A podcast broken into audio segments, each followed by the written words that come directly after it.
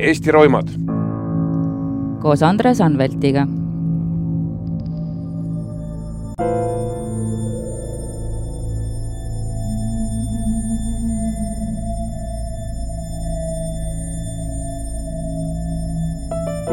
seitsmendal oktoobril kaks tuhat viis kõndis kuueteistaastane Tallinna koolitüdruk Veronika Tari kooli poole. viie minuti pärast olekski ta sinna jõudnud, kui mitte mõrtsukakuulid poleks ta jalust rabanud. tütarlaps jäi Kreutzwaldi tänavale teadvusetult lebama.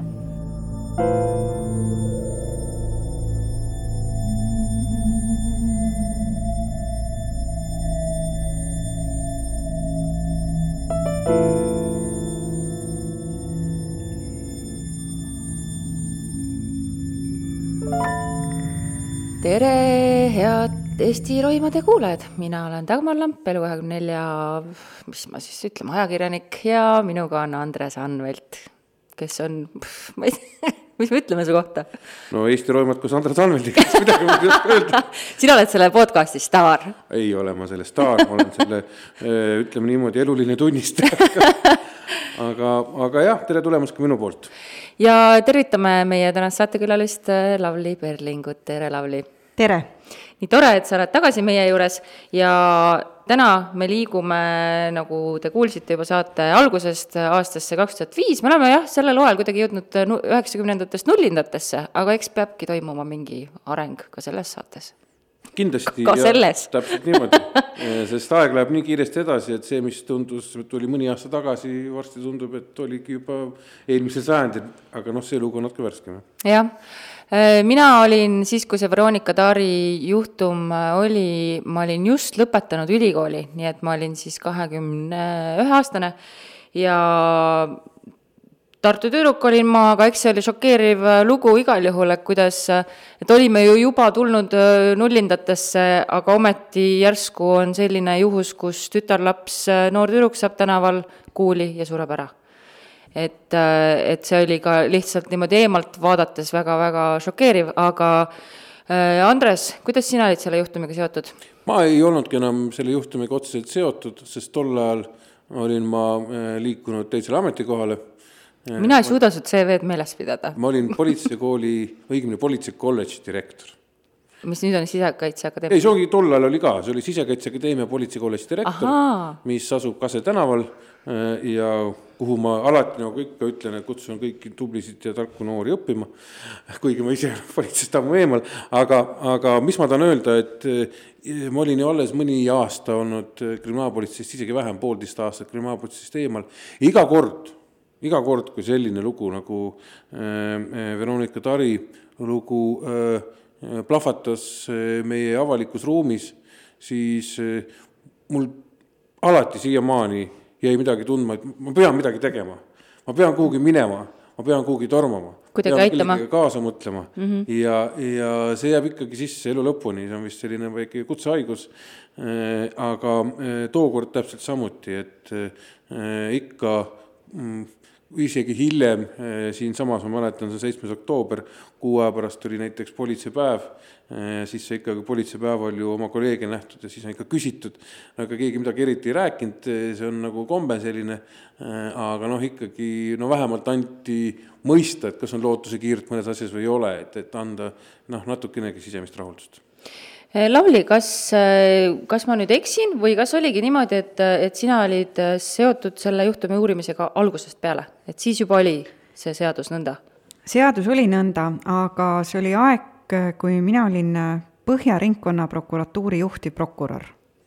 see tähendab seda, et seda juhtumit ma mäletan sellest hetkest, kui see juhtus ehk äh, suhteliselt kiiresti me olime juba ehitanud äh, üles sellise süsteemi, et äh, juhtivprokurör ei jõua kursis olla kõikide asjadega Mm -hmm. aga selge on see, et kui üks kuueteistaastane tüdruk Tallinna linnas saab surma, siis on see juhtum, millega peab kursis olema ka juhtivprokurör. ja, ja ma mäletan seda hetke, ma olin ise teel Tallinnas punktist A punkti B, kui tuli see kõne ja loomulikult äh, su pea hakkab kohe raalima, et mis põhjus, mis juhtus, miks, hommikul kell kaheksa, kes see on ja nii edasi ja nii edasi. selle asja põhiliseks prokuröriks sai legendaarne prokurör, kes on olnud minu jaoks suur iidol ja eeskuju alati, oli Hinge Brand, kes äh, oli muljetavaldav inimene selles mõttes, et olles töötanud äh, üle neljakümne aasta prokurörina oli ta suutnud säilitada sooja südame, huumorimeele ja sellise optimistliku ja eluterve suhtumise ellu. ja, ja tema oli see prokurör, kes esimesena prokuröridest läks sellele sündmuskohale. Aga tõsi on see, et suhteliselt kiiresti äh, ma võtsin selle asja üle selles mõttes, et, et, et ma olin ka ise seda asja menetlev prokurör mm. -hmm. seal olid erinevad põhjused, et, et aga jah, et esimesel sündmuskohal ma ei olnud ise, aga suhteliselt äh, kiiresti sai see, sai see nii-öelda minu asjaks, aga kursis olin ma selle asjaga esimesest hetkest peale ehm, ja mis siis olid esimesed äh, niidiotsad, mis, mis tulid, et vist sama päeva õhtuks oli juba selge, et Veronika ei olnud äh, sihtmärk, vaid et sihtmärgiks oli Tiit Ottis, AS Riigi Kinnisvara juhatuse esimees äh,. kas see oli lihtsalt niisugune selge asi, et kuna Tiit Ottis oli näinud või, või tema vist ju põgenes nende kuulidest tänavale, kas ta ise tuli ja ütles, et kuulge, vist mind ikkagi sihiti? ei, Tiit Ottis ei põgenenud nende kuulide eest, Tiit Ottis isegi ei saanud aru, et teda tulistati. aa, no vot siis, kuidas ajakirjandus võib eksida? ei, ja selgusest oli asi kaugel sellel hetkel. sellepärast, et kui, see oli nüüd see lugu kus äh, korraga tulid lauale kõik versioonid, sa ei saa kunagi lubada endale sellise juhtumi puhul, et käid ühe versiooni lõpuni ja siis, siis äh, tagasi. tuled tagasi ja hakkad uut versiooni käima. see tähendab, et see on alati see hetk, kus ma võtan nagu mütsi maha politseinike ees ja ütlen, et äh, see, millised inimvõimed on olemas politseinikes, kui nad peavad korraga kõiki neid versioone kontrollima üheaegselt äh, sellepärast, et sa ei tohi kaotada aega, sest siis, kui teine versioon osutub äh, hoopis õigeks, sa kaotad tõendit, sa kaotad aega. see, see hetk tähendab sellel hetkel meeletut tööd. aga ma mäletan, et tookord oli isikuvastaste juht äh, Elmar Vaher ja noh, ütleme, et tema energiaga töötada oli, oli, oli selles mõttes suurepärane, et kuigi võib-olla praegu meie alluvad kuulevad ja mõtlevad, et kas te ise saate aru, et sellepärast oligi nii raske, et et ega me ei halastanud ei toona ei endale ega teistele. lihtsalt mm -hmm. see tähendaski kakskümmend neli seitse tööd, sellepärast et üks tüdruk on surnud. uurimisgrupp oli suur, kas sa mäletad, oli seal ikka seal Elmar Vaheri kõrval pidi olema kindlasti veel terve ma mäletan äh, seda uurimisgruppi ja ma mäletan, äh, ma ei saa öelda suur, see ei ole kunagi piisavalt suur. et äh, ikka on need ühed ja samad inimesed, kes jooksevad, püüavad all-, allikatelt infot hankida, kes jookseb ekspertiisi vahet ja nii edasi. mida ma mäletan selle asja puhul meil hästi kiiresti tekkis seina peale skeem kõikide nende erinevate versioonidega, sest et, et kas ikkagi põhjus, vaatamata sellele, et tulistati kangialusest, kust läks mööda Ottis, et mis see, mis see õige versioon on. seal ma, ma, ma, ma arvan, et ma ei eksi, kui ma ütlen, et ma arvan, et meil oli mingi kolm-neli erinevat versiooni, seal jõuti isegi teatud läbiotsimised juba ära teha mingi versiooni puhul, enne kui jõuti ikkagi selle versioonini, kus siis iga tõend hakkas kinnitama just selle versiooni õigsust. ma küsingi, see on muidugi ülekohtune kuueteist aastat, kuusteist aastat hiljem sisuliselt küsida, aga öö, mitu päeva aega läks, kui mitu päeva oli asi pime nagu öeldakse siis selles politsei uurimiskeeles pime, et sul võivad olla versioonid, aga tegelikult nad eh, ei ole noh, ikkagi veel asja avastamiseni viinud. et sa võid öelda, et siis meil hakkas, nagu öeldakse, valguskoordis paikma. et sa nüüd, et te nägite, et see on vist õige suund, kuhu te lähete kas oli kaks päeva, üks päev, neli päeva, viis? Ähm, ah, see, see oli ikkagi rohkem. Ma arvan, et äh, päris täpselt ma ei julgeks öelda, aga ma arvan, et ikkagi kuu oli ikkagi see või isegi võib-olla ma ei välista, et see võis isegi kaks kuud olla, kui noh, kus, kus ikkagi, sest muidu me ei oleks jõudnud esimeste versioonidega läbiotsimisteni ja juba päris kaugele, et ja siis me saime aru, et ei, see ei ole see versioon. Ja siis äh, tuli järgmine versioon. Aga see asi hakkas hargnema, et äh, teistpidi jälle mõeldes, et kui see juhtum oli seitsmes oktoober, siis äh, selle õige versiooniga kinnipeetavate isikuteni, see tähendab hetke, et sul on ikkagi piisavalt tõendeid, et keegi kinni pidada, jõudsime me ju teisel jaanuaril mm. -hmm. et, äh, et ikkagi noh, kolm kuud. jah, selles mõttes, et kõik on suhteline, aga, aga, aga siiski et äh, siiski ma arvan ka, et suhteliselt kiiresti jõuti, jõuti selle, selle, selle versioonini ja, ja siis hakkas lahti rulluma kogu see lugu, et mis siis ikkagi juhtus. Ja siis hakkas ka rall, äh, lahti rulluma see, et, et et Veronika Taari ikkagi ju selgelt oligi juhus, üks äh, juhus, üks õnnetu juhus. Ja ja, ja see oli, see oli üks nendest lugudest, mis paneb jälle mõtlema, et äh, millist vastutust tunnevad politseinikud ja prokurörid nendel hetkedel, kui nad räägivad nende kannatanute lähedastega. et äh, Veronika isaga selline rääkimine ja jutuajamine ja sa mõtledki, et aga mis sul talle öelda on? mis sul on talle öelda? ja, ja, ja ja samas see käivitab sellepärast, et sa saad aru, et äh, sa paned kõik oma ihu ja hinge ja energia sellesse, et sa pead sellele isale suutma ühel päeval niimoodi otsa vaadata, et sa tead, et sa oled andnud maksimumi, sa ei saa talle tütart tagasi anda. aga see, mida sa saad teha, on see, et need, kes selle teo toime panid, need vastutavad selle eest. siin oligi ju, eks see äh, kõrvalliin on muidugi vist imelik öelda, aga, aga ajakirjanduses käis toona ka läbi see, et äh, Veronika isa palkas ka veel eradetektiivi Venemaalt ja hakkas äh, omal käel seda asja uurima, aga ega ma rohkem selle kohta mingeid artikleid enam ei jõudnud, ei leidnud, et äh, kui kaugele see privaatuurija võis jõuda oma teemadega. Aga, aga õnneks ju oligi, et juba ju jaanuaris olid kahtlustatavana inimesed kinni peetud jaanuaris kaks tuhat kuus, jah? jah ja., see oli teine jaanuar, see oli, kui te mõtlete, et esimene jaanuar on esimene jaanuar ja siis on teine jaanuar, et see oli meil on olnud siin juhtumeid, mis leidsid aset esimesel jaanuaril, mida Andres senimaani valuga meenutab, et oli ju esimene jaanuar ja ma pidin minema. kuuli ette seisma, aga see selleks. Need on, need on jah, see on selles mõttes üks äh, huvitav lugu, et eks me kõik olime aastal kaks tuhat kuus nooremad, nii ajakirjanikud kui prokurörid, et et ikkagi ma olen alati ju lugu pidanud äh, ajakirjandusest ja, ja, ja, ja, ja, ja pidanud äh, väga oluliseks seda tööd, mida ajakirjandus teeb, aga mis seal salata, et me kõik teame, et vahel tulevad need kokkupõrkekohad. kokkupõrkekohad, kus äh, uurimine ei saa andmeid anda, ei saa mm -hmm. ja ajakirjandus ei mõista. ja mis seal salata, vahel äh, me tuleme ka sealt, kus äh, mõnikord prokurörid nagu kergekäeliselt ütlevad, me ei saa midagi anda ja siis äh, ajakirjandus ütleb, et noh, aga natuke ju ikka saaksite, aga, aga see on selline igapäevaelu. aga, aga see oli see juhtum, kus kus olgem ausad, ajakirjandus sai info lekke pealt ja see on nüüd see koht, kus ajakirjanikud kuulavad podcast'i, ütlevad, see ei olnud lekke, see oli allikainfo. aga las ta olla, küll me vaidleme edasi, et aga mis info nad, nad said? Nad said info kinnipidamise kohta. ja see lugu äh, läks lehte, nii et ma arvan, et kas kolmas jaanuar või mis iganes.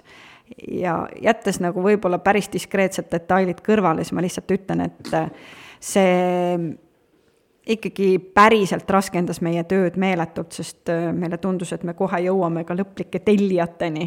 siin on üldse olnud tegelikult selles asjas, eks ju, mitu leket, eks ju, me räägime ka lekkest äh, äh, hiljem natukene, mis puudutab, kus kurjategijad said aadressi, aga Tiit Ottise aadressi ja nii edasi, aga ma küsin sult minu meelest sellise igalt kuulajat huvitava küsimuse, kas teie läksite ennem Tiit Ottise juurde, ütlesite, et, et teda taheti tappa või tema tuli ja arvas, et äkki teda taheti tappa?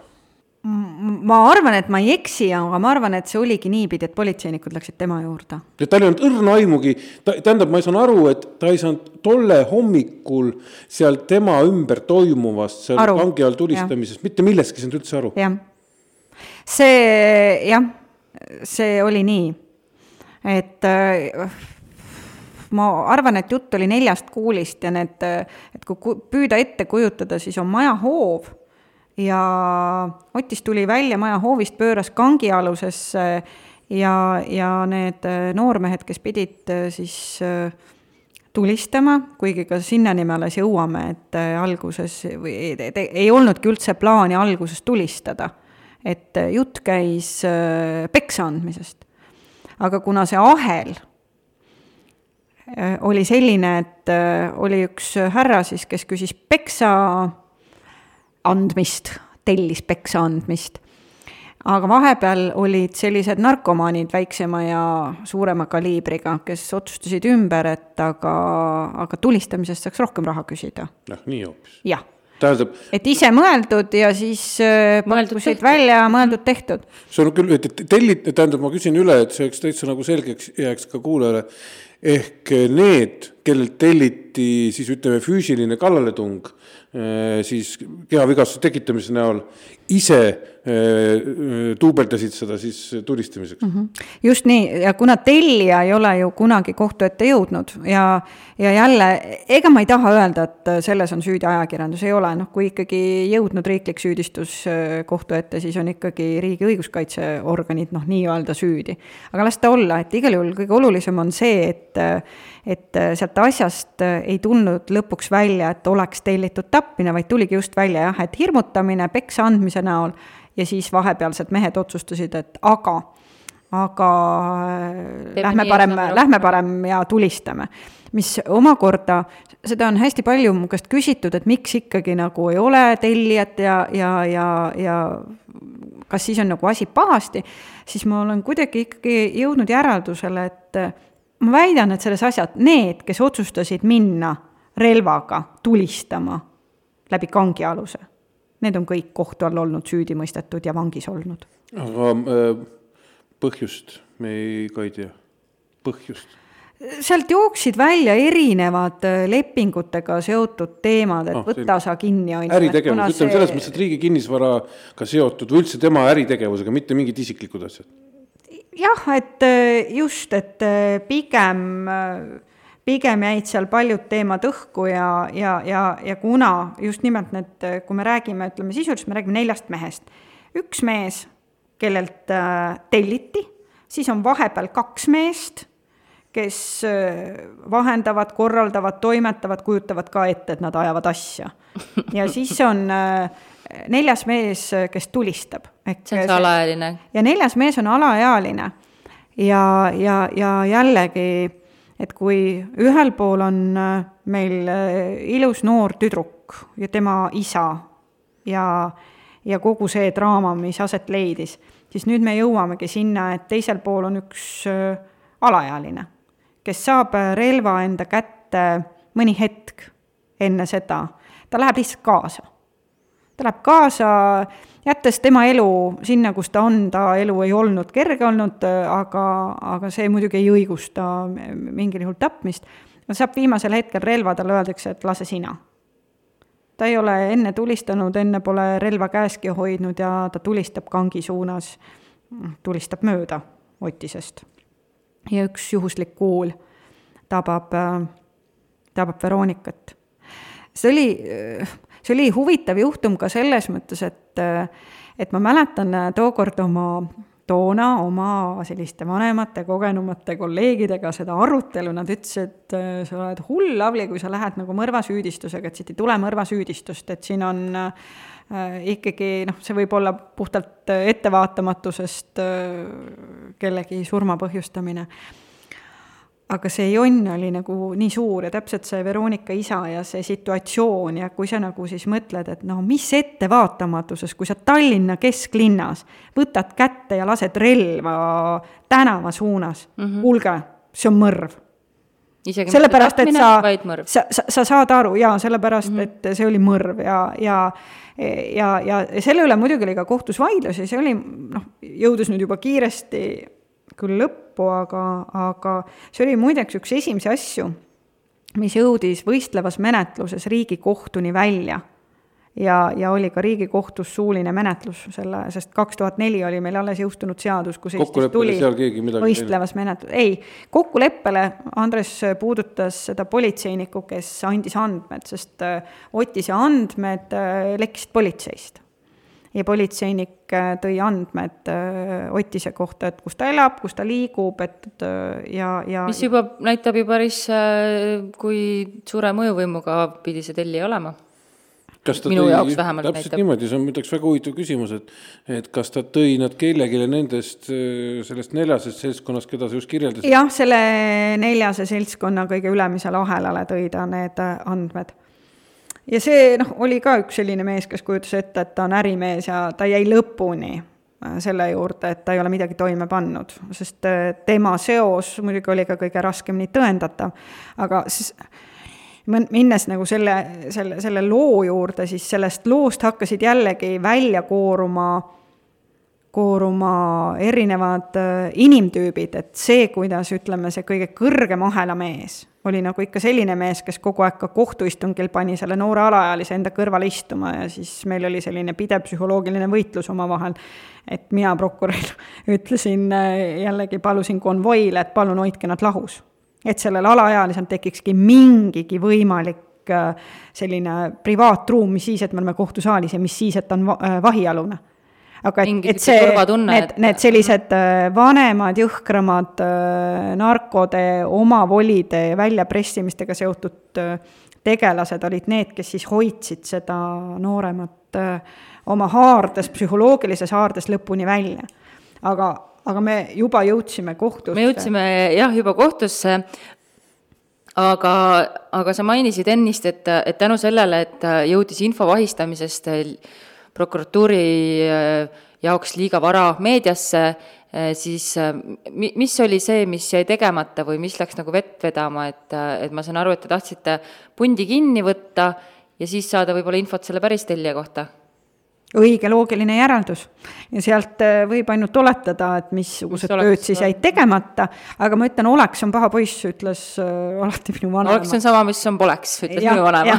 just, et äh, ei ole mõtet oleksitega tegeleda, oli, mis oli, aga, aga, aga, aga noh, ta oli huvitav teema ja eks see oli teistpidi üks selline õppetund, mis pani mõtlema, et miks, miks no heas mõttes see ajakirjandusega koostöö on oluline et äh, kaks tuhat neli oli jõustunud prokuratuuri reform, Andres mäletab väga hästi, et äh, ega me asutusena ei olnud valmis suhtlema ajakirjandusega, ka ise. ja, ja ja olgem ausad, me ei, ei julgenud ilmselt ka öelda seda, et äh, palun, et noh, tsensuuri ei ole Eestis, ma tean, põhiseadusega on kõik korras. kõik on inimesed ja ma arvan, ükski ajakirjanik ei taha seda, et äh, sellises situatsioonis, kui ta ongi saanud selle informatsiooni. et tema pärast midagi. et kui ta teaks, et tema pärast jääks mm, -hmm. aga selleks, et ta saaks mingeid öö, äh, otsuseid teha, peab ta midagi teadma, teistpidi riik ei tohi avaldada ajakirjandusele ei riigisaladust, ei mitte midagi, sa ei tohi talle mitte midagi öelda. et kuidas need kompromissid siis leida, nii et üks pool saaks öelda, et palun, andke meile kaks nädalat aega. ja teine pool ütleks, et hea küll, ma annan teile. et eh, noh, aga ega seal ei ole muud rohtu kui see, mida hiljem me prokuratuuris ikkagi üles ehitasime, see, et see asi peab nagu põhinema su tegevusel ja sellel usaldusel. sa ei saa seda kergekäeliselt küsida, sest ajakirjanikul on oma roll siin ühiskonnas ajada aga et on need erandlikud juhud, kus me mõlemad ju tahame, et nendel ühiskonnaliikmetel läheks hästi ja, ja, ja ma arvan, et alati üldiselt on ikkagi tarkade ajakirjanikega selline kompromiss ju leitud, kui on vaja olnud. eks seda õpetatakse tegelikult äh, päris palju, äh, isegi mäletan omal ajal, kui ma õppisin FBI Akadeemias, oli terve äh, õppeaine oli seal selle, kuidas suhelda noh, ajakirjanikega. aa, noh, mina olen ajakirjandust õppinud, ma võin öelda, et äh, ja töötanud ajakirjanduses viisteist, kuusteist aastat, et äh, Eesti on nii väike ja me kõik tahame hoida oma allikaid, ka ja, ajakirjanikud ja. ja me kõik oleme inimesed. aga siit ma küsingi sult kohe sellesama loo mitte ei saa öelda allikate kohta, ma küsin seda, aga kuidas siis ikkagi, kui Otis ei teadnud, teda tulistati, kui oli arusaadav, et Veronika oli saatuse julm läpp, mis tema suhtes toimus. Kuidas ikkagi jõutigi, on alati kaks asja, mis noh, kriminaalpolitseinikud ütlevad, et kas oli selleks võtmeks oli sündmuskoht või võtmeks oli allikas ehk siis inimallikas, et ma saan aru, et paljudest asjast rääkida ei saa, aga mingi üldsuund, et kuidas siis jõuti selle väga huvitava konstruktsioonini? mõned asjad peavadki jääma saladuseks aga ma saan öelda mitut asja, ma saan öelda, et sündmuskohal käidi mitu korda. ja ma ka vihjasin sellele, et kõik versioonid olid korraga töös ja kõik tegevused olid korraga töös. puhas analüütika, muideks tänapäeval väga populaarne teema, kõik räägivad, milleks meile kõneeristused, kui hirmus eraeluline riive see on, muidugi on muidugi on, aga kas te teate, et Veronika Tari mõrva ei oleks avastatud, kui oleks saanud teha kõneeristusi? ja ma tahan siia juurde öelda, et iseenesest siin eh, noh, see on saladus, mis ei ole saladus, aga aga me rääkisime, kui ma ei eksi, eelmises, üle-eelmises hooajas esimesest suurest kuriteo avastamist, mis avastati tänu, tänu puhtalt analüütikule, analüütikale, kõneeristustele, veel digiandmetele, mis oli Usti Menko-Medvedjevi pommiplahvatus, mis andis tegelikult aluse Eestis sellele oskusele, et analüüsida miljoneid datat, et mhm. jõuda tegelikult mingisuguste seaduspärasusteni -hmm. näiteks Must, miks mingisugune äh, selle äh, ütleme, mingisugusele kohale linnas või kuskil mujal eh, on ehm, eh, ebaharilik. ehk selles mõttes, et kui keegi, kes ei ole selle piirkonna inimene mm, -hmm. no mhm. me tänapäeval teeme sedasama asja, vaadata, kuidas meil koroonahaiged liiguvad, eks ju, ringi, et siin ei ole mingit saladust. aga hea, et sa ütlesid seda, ma siit kohe eh, võib-olla lippan järgmise küsimuse juurde, kas äh, see politseinik, kes tegelikult reetis oma organisatsiooni ja andis välja äh, nüüd kelle teise inimese andmed, äh, see tuli pärast või ennem põhiseltskonna kinnipidamist? ta tuli umbes samal ajal, aga kuna ühtegi kohtuasja ei ole niisama lihtsalt mõtet suureks ajada, siis äh, ma mäletan, et me selle, kuna tal ei olnud põhilooga mingit puutumust, siis me eraldasime ära ja ja, ja see käis eraldi kohtust läbi. kas ta nüüd seal olid ka, ma mäletan, kas mingid ka tervisega seotud asjaolud, et kas see asi venis või me tegime selle just hästi kiiresti ära, jään hätta, jälle on aastad on möödunud, aga ta ei olnud nendega koos, aga ta, ta joonistus välja ikkagi umbes sellel samal ajal. et kui see, kui see, kui see lugu kõik äh, hakkas hargnema, sest ega nad ka kohe ei läinud sinna sündmuskohale, nad olid ikka käinud vaatamas seda kohta ja mõelnud, et kus see kõige parem koht oleks äh, tulistamiseks. ja lihtsalt alguses tulistama pidi, pidi hoopis teine inimene, kellel oli, oligi üks selline sõltlane. me leppisime kokku, et me ei nimeta ta äh, nime, sellepärast et, äh, et ta oli toona alaealine ja nüüd siis, kui me tulistajast räägime, siis te teate, miks see nii on, et me temast niimoodi räägime. aga ma saan aru, et, et, et see, kuidas tulistaja enne kinnipidamist käitus, oli ka omapärane, et ta oli viinud Lilli sündmuskohale ja jah, ka see on ajakirjandusest läbi käinud temaatika, et kuna tegemist oli alaealise inimesega ja tegemist noh, selles mõttes oli ju teoga, mille tagajärge ta ilmselt juba oma vanusest tulenevalt, ta pidi aru saama ja sai aru ja ta mõisteti süüdi ju mõrvas, aga, aga noh, kuusteist on kuusteist noh, sisuliselt teine asi, et ta ja sisuliselt ta oli, oma eakaaslase. ja tappis jah, ja ta oli ju tavaline poiss, kes oli käinud tavalises koolis, elanud tavalist elu, tema elu oli äh, veidi pea peale keeranud, et kuidas ta oma emaga oli sattunud sinna sotsiaalmajja elama ja see kõik oli jätnud omakorda oma jälje. aga jah, et, et ta käis sündmuskohal ja viis lilli ja ja ka see kindlasti ei ole ühe mõrva puhul selline tavapärane käitumine. et ja noh, sealt hüpateski siis kõik need aastad ette, sealt tekivad alati omakorda küsimused, et miks üldse äh, alaealisi peaks kuidagi kas rohkem kaitsma või, või, või andma neile veel mingi võimaluse, et see on selline diskussiooni koht alati.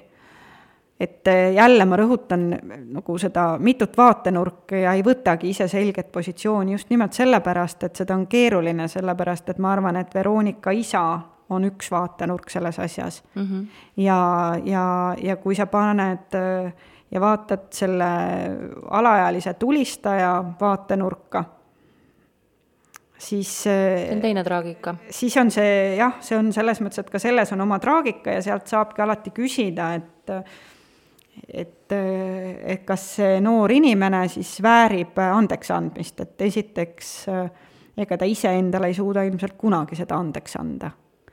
teiseks äh, ma olen jõhkralt öelnud, et minu jaoks ei vääri ükski korruptant äh, lunastust, selles mõttes, et lunastus ei pea olema see, et paned korruptsioonikuriteo toime, lähed võimu juurde tagasi.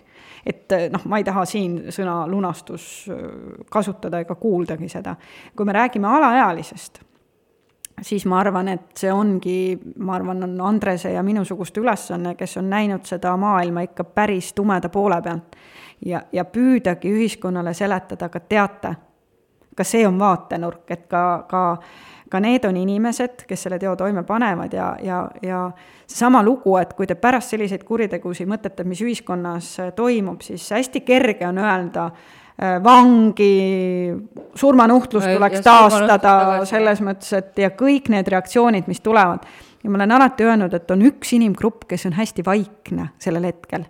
Need on nende teo toimepanijate lähedased sest fakt on see, et ta on ikkagi kellegi poeg ja kellegi isa. selge on see, et prokurörid, politseinikud ei, ei saa lubada endale selliseid noh, emotsioone, et mis, mis, mis, mis su rajalt ära viivad.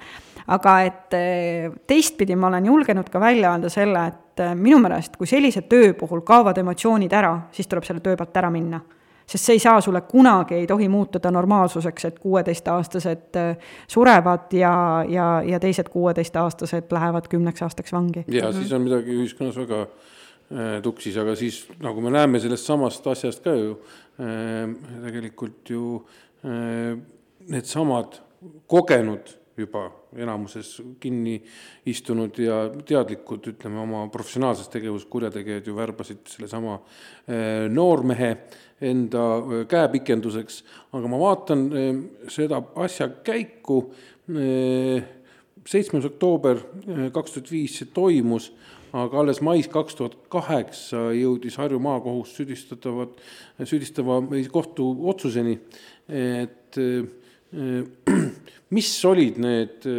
sinu mäletamist mööda need kõige raskemad teemad, kas see asi venis kohtus, kas seal äh, prooviti tõestada teise poole pealt äh, selles samas võistlevas äh, menetluses midagi vastupidist või, või nagu siin paljudes asjades on tuua välja mingi täitsa uus versioon ja põrmustada see, äkki sa kirjeldaksid nüüd seda oma väga lähedast siis seda noh, köögi poolt, nagu öeldakse, mis siis seal Harju maakohtus selleks kõige keerulisemaks oli?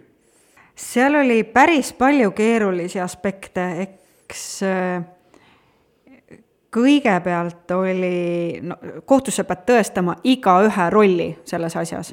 lisaks sellele olid seal ühel mehel veel äh, omavoli asjad ja, ja, ja, ja mingid äh, kõrvalseisjad, seisvad kuriteod, mis olid ka selle asja juures lahendamisel. Need tulid veel ja, sinna juurde. ka see natuke venitas, aga ta, ta oli äh, selline tugevate kaitsjatega üks esimesi võistlevaid protsesse, mis omakorda ilmselt see uus protsess kui selline pani teatud, teatud mm, koormuse sellele asjale peale, võib-olla ka natuke venitas. aga ega seal oligi, seal oli palju tunnistajaid, seal oli palju inimesi ma mäletan, seal oli meil üks ka seltskond, keda oli raske kainena kohtusse saada, kui ikkagi kainena ei ole, peab uuesti proovima. ja sellised eh, kõik eh, pisiasjad. Ja ega see vastaspool oli selles mõttes tugev, nad, eh, seesama, mida minu vanemad kolleegid ütlesid, ära mine mõrva proovima, et siit ei tule mõrva, ega nad üritasidki asja üles ehitada, noh, võimatu oli vaielda sellele vastu, et Veronika Tari on surnud Mm -hmm. suhteliselt selge oli ka see, et see niimoodi aset leidis, nagu süüdistuses kirjeldatud oli, Lämbik Hangi aluse neli kuuli ja üks nendest tabas juhuslikult Veronikat.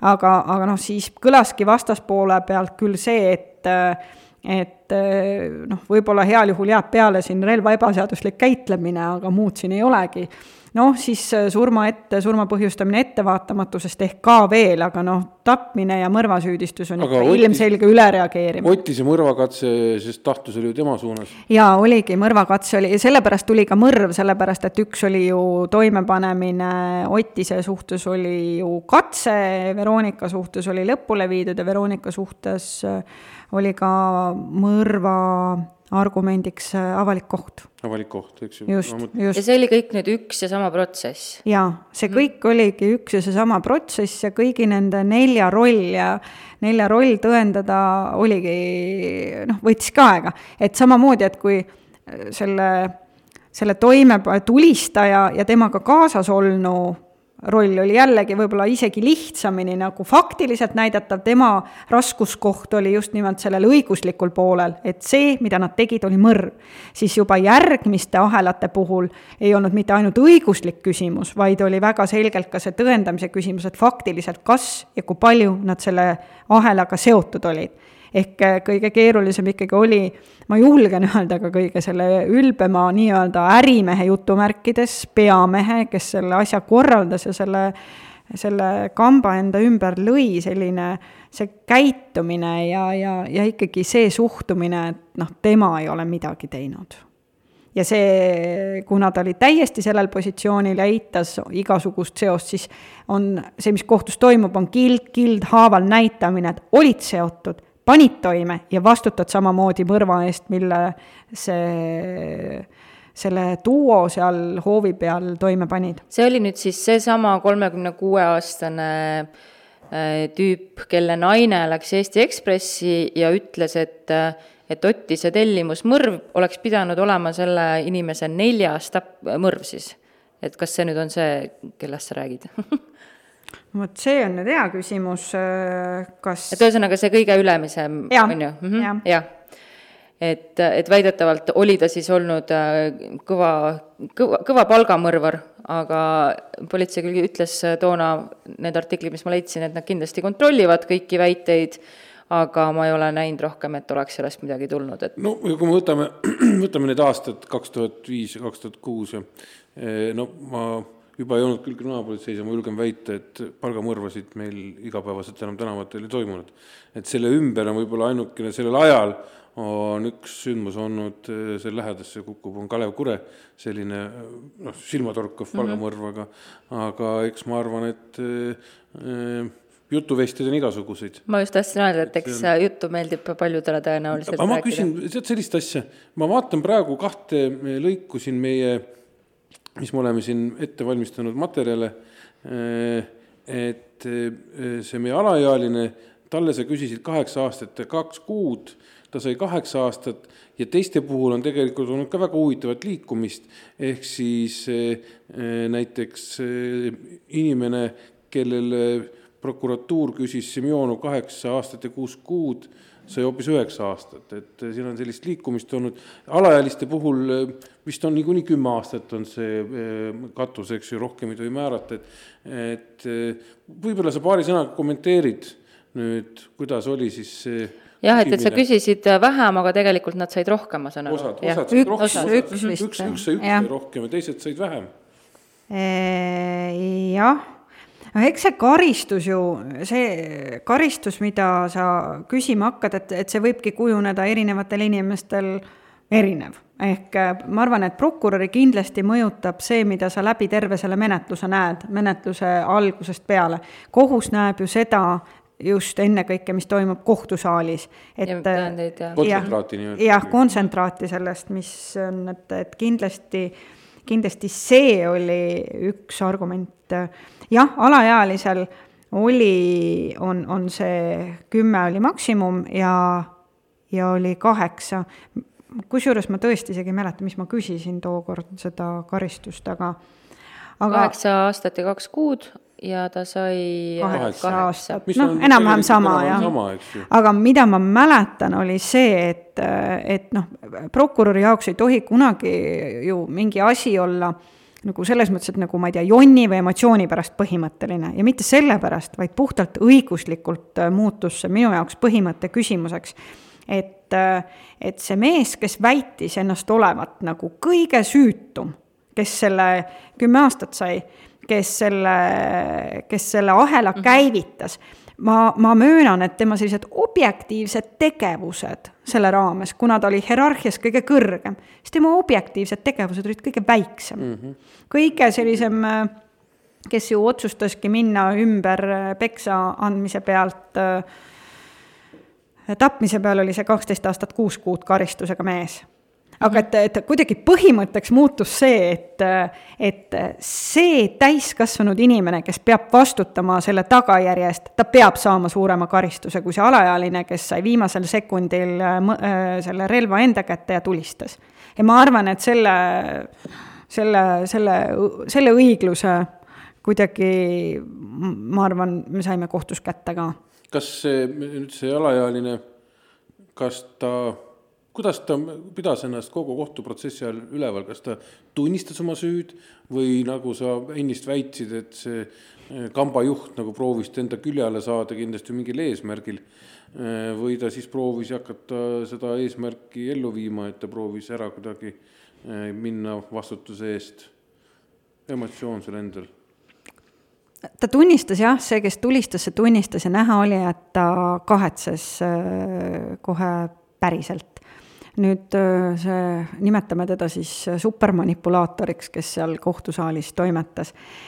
ega pealtnäha oli tegemist sellise inimesega, keda vähe huvitas äh, see, mis karistuse saab see alaealine või mis temaga on. teda huvitas ainult üks asi, et tema pääseks vastutusest ja ma arvan, tema südametunnistus, arvestades tema elukäiku, ei olnud teps mitte selline, et see oleks teda jäänud kuidagi sügavas hingesopis vaevama. ta lihtsalt oligi selline inimene ja, ja, ja samas, mida ma jälle alati oma noortele kolleegidele õpetan, ja vahel, kui sa ikka oled seal kohtusaalis, siis ise ei suuda järgida seda, on see, et kunagi ei tohi nendes asjades võtta jumala rolli, et selles mõttes ära hinda inimest, et sinu asi prokurörina on hinnata tegu Mm -hmm. et, et see, noh, see peab olema selline põhimõtteline vahe.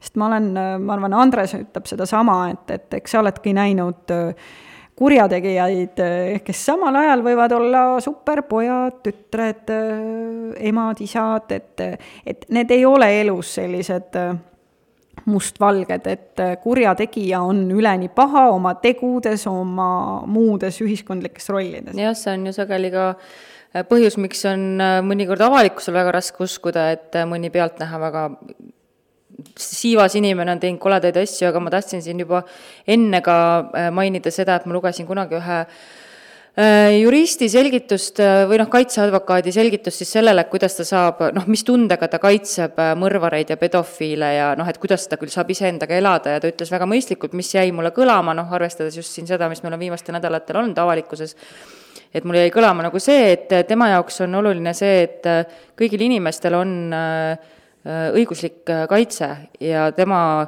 roll on hoolimata sellest teost vaadata, et äh, inimene saaks selle kaitse, et tema puhul rakendatakse samu seadusi ja nii edasi, et, et hoolimata sellest, kui jälg see kõik see tegu võib olla, et noh, nagu noh, teist, teine pool siis sellele, mis sa ütlesid, et ära ole jumal, ära, ära hinda inimest, vaid hinda tegu. jaa, aga kõik ei sobigi sellepärast kaitset, eks jah.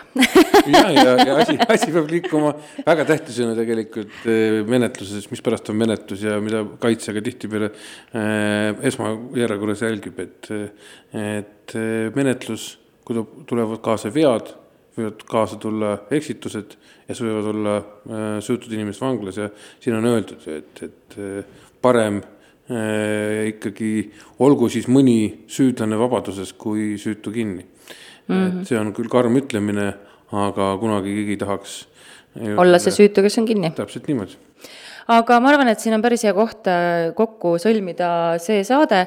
E, päris palju äh, pisiasju jäi küll meil välja, aga nagu ikka, siis Elu24 veebis saate te ka lugeda pikemat artiklit, mille ma panin kokku erinevate ajakirjandus ajakirjanduses ilmunud asjade põhjal ja, ja selle on üle vaadanud oma silmadega ka Lavly ja Andres, nii et ma tean nüüd kohti, mis ma seal natukene korrigeerima pean.